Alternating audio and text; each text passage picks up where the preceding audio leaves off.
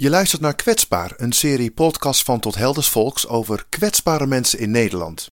Ik ben Ronald Koops en voor deze serie reis ik door Nederland op zoek naar verhalen van kwetsbare mensen die vaak niets meer te verliezen hebben.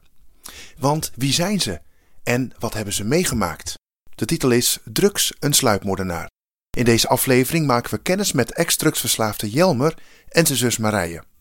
Het waargebeurde verhaal van een gezin dat kapot ging aan drugs.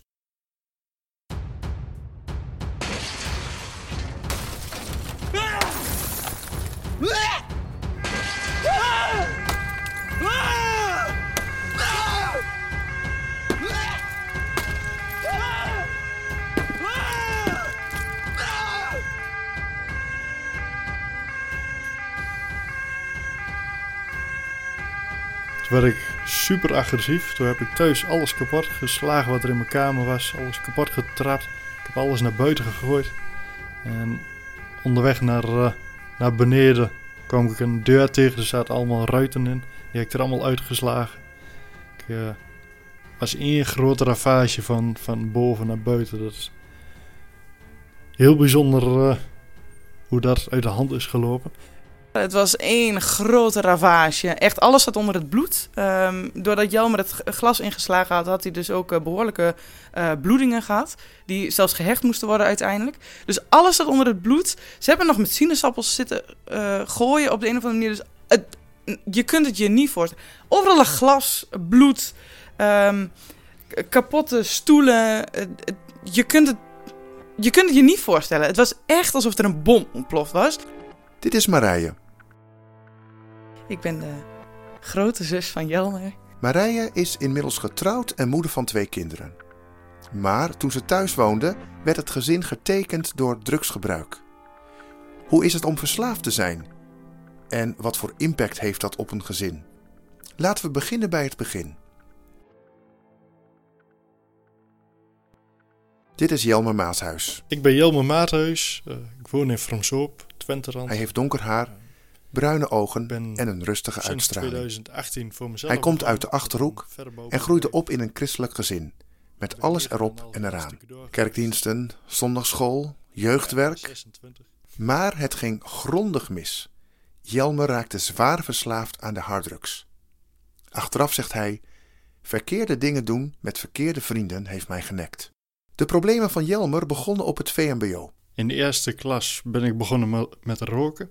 En in de tweede klas begon, ja, begon drugs toch wel binnen te komen. En in eerste instantie was het alleen wiet.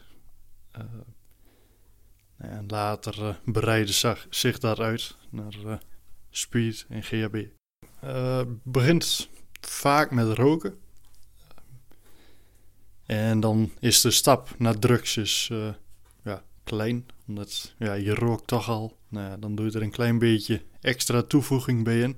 En dan gebruik je drugs. Dus de stap is heel klein. Om bij een uh, groep te horen. Uh, je rookt al, dan hoor je bij een groep. En, uh, ja, die groep die gebruikt ook wel eens drugs. En dan ja, om erbij te horen, om meer te doen. Ja, probeer je het ook een keer. Toen ik een jaar of 18 was, toen kreeg ik verkering met mijn ex-vriendin. En die gebruikte wel eens, uh, die rookte wel eens wiet. En die ging ook met een groep, uh, groep om die drugs gebruikte. En aan het begin gebruik je nog wel eens weekends, maar op een gegeven moment ook door de week. En ja, op een gegeven moment continu. En toen had ik echt wel het besef van, uh, dit sluipt wel goed in, zeg maar. Er waren mensen in onze omgeving die wel eens uh, vraagtekens stelden, inderdaad, uh, bij wat er gebeurde. Jan was natuurlijk al, al van school gestuurd geweest. Hij was al naar een andere school geweest en daar ging het eigenlijk heel goed. Um, hij kreeg een vriendinnetje en uh, hartstikke leuke meid. En dat ging ook allemaal goed. Dat raakte uit en toen kreeg hij een nieuwe vriendin. En daarbij hadden heel veel mensen gewoon vraagtekens. Weet je wel wie zij is? nou, uit welk gezin zij komt? En ik, ik ben van mezelf enorm optimistisch. Dus ik had zoiets, weet je, daar mag je niet naar kijken. Weet je wel, uit welk gezin ik kom, weet je, daar mag je niet naar kijken. Dat, dat is fout. Um, dus ik probeerde daar altijd om, omheen te kijken ook. Um, maar op een gegeven moment, het moment dat ook mijn moeder zoiets had van... Ik weet het niet. Ik vraag het me af. Toen, nou ja, weet je, had ik zo'n kop in de grond uh, steek moment. Ik denk, dat doet hij niet. Hij heeft ervaring, dat soort dingen doet hij niet. Um, ik wil het ook niet zien.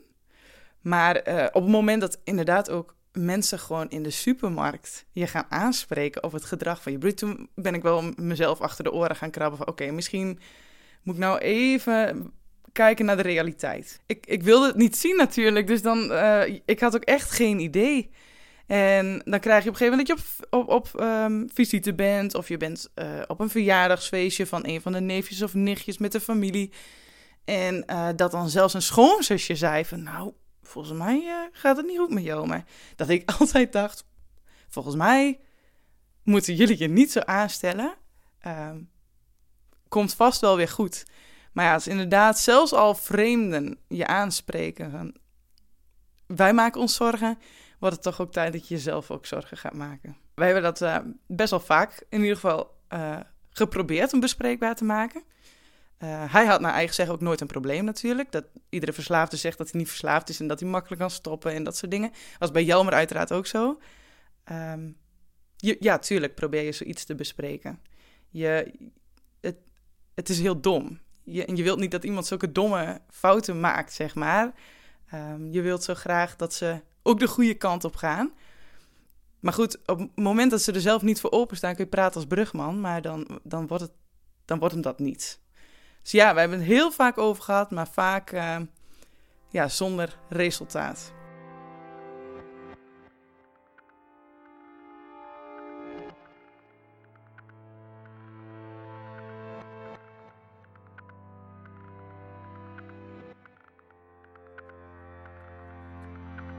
Nou, aan het begin uh, is het gezellig. Uh, je doet het met je vrienden, uh, je bent bij elkaar, nou, je hebt een, een hoop lol. En op een gegeven moment dan doe je het ook door de week. En dan. Um, ja, als je dan een keer niet kunt, zeg maar, dan ga je wel denken van. Oh, ik wou dat ik het nou kon. En nou dat is het begin van een verslaving al. En ja, uh, dan kom je in, in groepen. En daar uh, worden ook wel andere dingen gebruikt. Nou, en dan krijg je van het een, komt het andere. Nou, en op een gegeven moment dan bestaat het patroon dat je gewoon, als je vrij bent, gebruik je drugs. Dat is gewoon uh, wat op een gegeven moment naar voren komt. Nou, als je wiet gebruikt, dan word je rustig van en nou, gezellig, zoals ze dat dan uh, zeggen. En ja, wij wouden wel naar de discotheek en daar moet je meer energie voor hebben, zeg maar. Nou ja, en toen kwam een uh, ja, ex-kameraad, zeg maar, kwam ermee, oh, dan moet je dit gebruiken. Nou, dan probeer je dat, omdat je toch al met drugs bezig bent, zeg maar. Nou, en dan kom je aan de speed. Nou, en daar krijg je een hoop energie van. En als je dat elk weekend gaat gebruiken, dan uh, van vrijdagsavonds tot zondagsmiddags ongeveer, dan kun je niet van slapen, dus uh, alleen maar feesten. En op een gegeven moment, dat, uh, dat breekt je wel af. Dat, uh, daar hou je niet heel lang vol. Ondertussen had Jelmers zus Marije ook de nodige problemen als gevolg van het drugsgebruik van haar broer. Het hele gezin werd veroordeeld door de omgeving. Het is heel lastig. Je wordt enorm veroordeeld door de omgeving. Want dan is er uh, in ieder geval, voor mijn ouders was het zo, dat de omgeving den, denkt dat het toch aan de, aan de opvoeding ligt.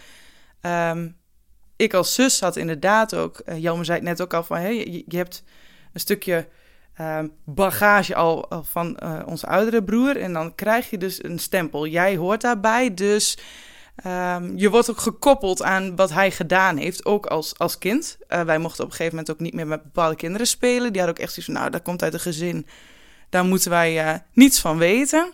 Ik snapte dat nooit.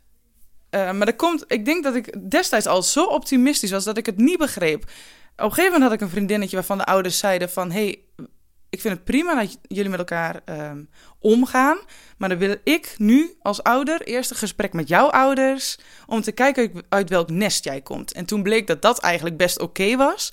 Uh, mochten wij uh, verder ook best met elkaar omgaan. Maar het, het bepaalt toch wel iets of zo. Ehm, ik heb ook altijd, ik heb nooit gesnapt waarom dat niet kon. Want ik denk van, dat is mijn broer, dat gaat mij toch niet aan. Kan ik niks aan doen wat hij uitvreet, zeg maar. Ehm, maar goed, ook als je uh, ouder wordt, het is, het is een beetje alsof iemand je in een, in een hoekje zet. Je je handen op je rug zet en uh, je gezicht naar voren draait. Zeg, dan ga jij hier maar staan.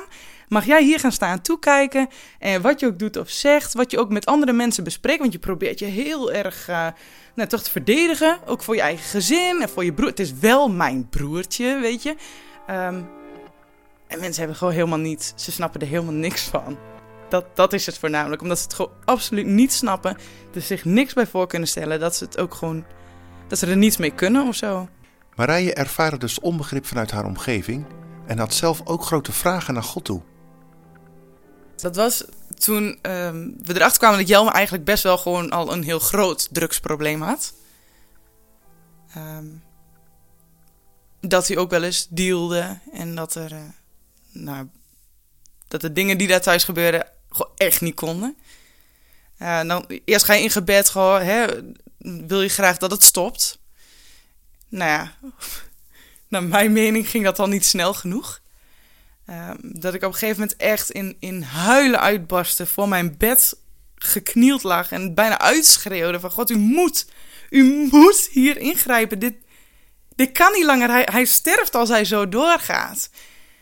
Um, ik weet niet of ik echt boos was op God, maar ik had echt wel zoiets van: hoe lang? Hoe lang duurt, hoe lang duurt het nog? Hoe lang staat hij nog toe dat hij zichzelf zo naar de vernieling helpt? En daar kreeg ik ook niet direct antwoord op, uiteraard. Um, maar op een gegeven moment had ik zoiets Heer, u, u, moet het doen. U belooft in uw woord dat u ook dingen ten goede doet uh, komen, dan ook maar met dit. Dat wat jou me nu doormaakt, dat dat dan ook maar uiteindelijk nog een vrucht mag afwerpen of zo. En op dat moment kreeg ik daar zelf ook rust mee. Had ik ook zelf dat ik denk: oké, Heer, het ligt nu bij u. Nu mag u het gaan doen. Dan is het niet meer mijn project, niet meer mijn ding. Nu moet u het maar gaan doen. Nou, en dat was dan ook het moment waarop God dan, zeg maar, met Jelmer aan het werk kon en dat ook deed. Maar voordat het goed ging met Jelmer, ging het eerst nog helemaal fout. Ik ging oud, maar ik had met mijn vriendin afgesproken dat we weggingen. En toen werd ze boos omdat ik oud ging. Nou, ik werd uh, boos omdat zij boos was. Nou, het was helemaal uit de hand gelopen. Toen werd ik super agressief. Toen heb ik thuis alles kapot geslagen wat er in mijn kamer was. Alles kapot getrapt. Ik heb alles naar buiten gegooid. En onderweg naar, uh, naar beneden kwam ik een deur tegen. Er zaten allemaal ruiten in. Die heb ik er allemaal uitgeslagen. Ik uh, was één grote ravage van, van boven naar buiten. Dat is heel bijzonder uh, hoe dat uit de hand is gelopen. En toen alles een beetje rustiger was, toen kwam mijn zwager langs en die legde zijn hand op mijn schouder en toen, toen brak ik. Toen kreeg ik zo vrede en rust in mijn hart. Toen had God ook zoiets van, nou, nou is het goed geweest. En nou, uh, nou gaan we de andere kant op. Dan gaan we de betere kant op het nieuws kan natuurlijk ook bij ons, hè, wat, wat er gebeurd was. En um, waren de kinderen gewoon thuis, het was op zondagmiddag.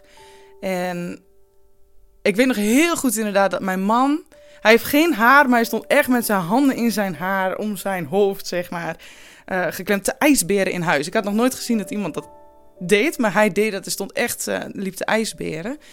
En hij zegt, ik heb zo het gevoel dat ik daar naartoe moet. Ik zeg, maar joh, dan moet je dat doen. Als jij dat zo op je hart hebt, moet je dat geloof ik maar doen. En hij dacht, ja, ja, moet ik dat doen? Moet ik... Hij twijfelde nog een beetje. Ik zeg, man, ga nou maar. Dus hij heeft zijn jas getrokken en uh, nou ja, hij, hij is uh, naar, naar huis gegaan. En mijn man is daar binnengekomen en die heeft bij Jelmer dus inderdaad hand op de schouder gelegd. En ik weet niet of ze wat tegen elkaar gesproken hebben hoor, maar hij zegt, ik voelde dat er zo'n vrede was in alles. Hij zegt, ik weet niet wat het bij mij was. Jelmer zegt, ik weet niet wat het bij mij was. Maar God werkte door beide heen, zeg maar. En toen uiteindelijk kwam hij thuis en zegt, nou, dit is het meest bijzondere wat me ooit is overkomen. Het was zo een chaos en zo een, nou, een verschrikking eigenlijk. Hij zegt, wat een rust, wat een vrede heb ik ervaren. Dus het is ehm, niet alleen voor Jelmer een punt in, in, in zijn uh, bekering geweest, maar voor mijn man ook.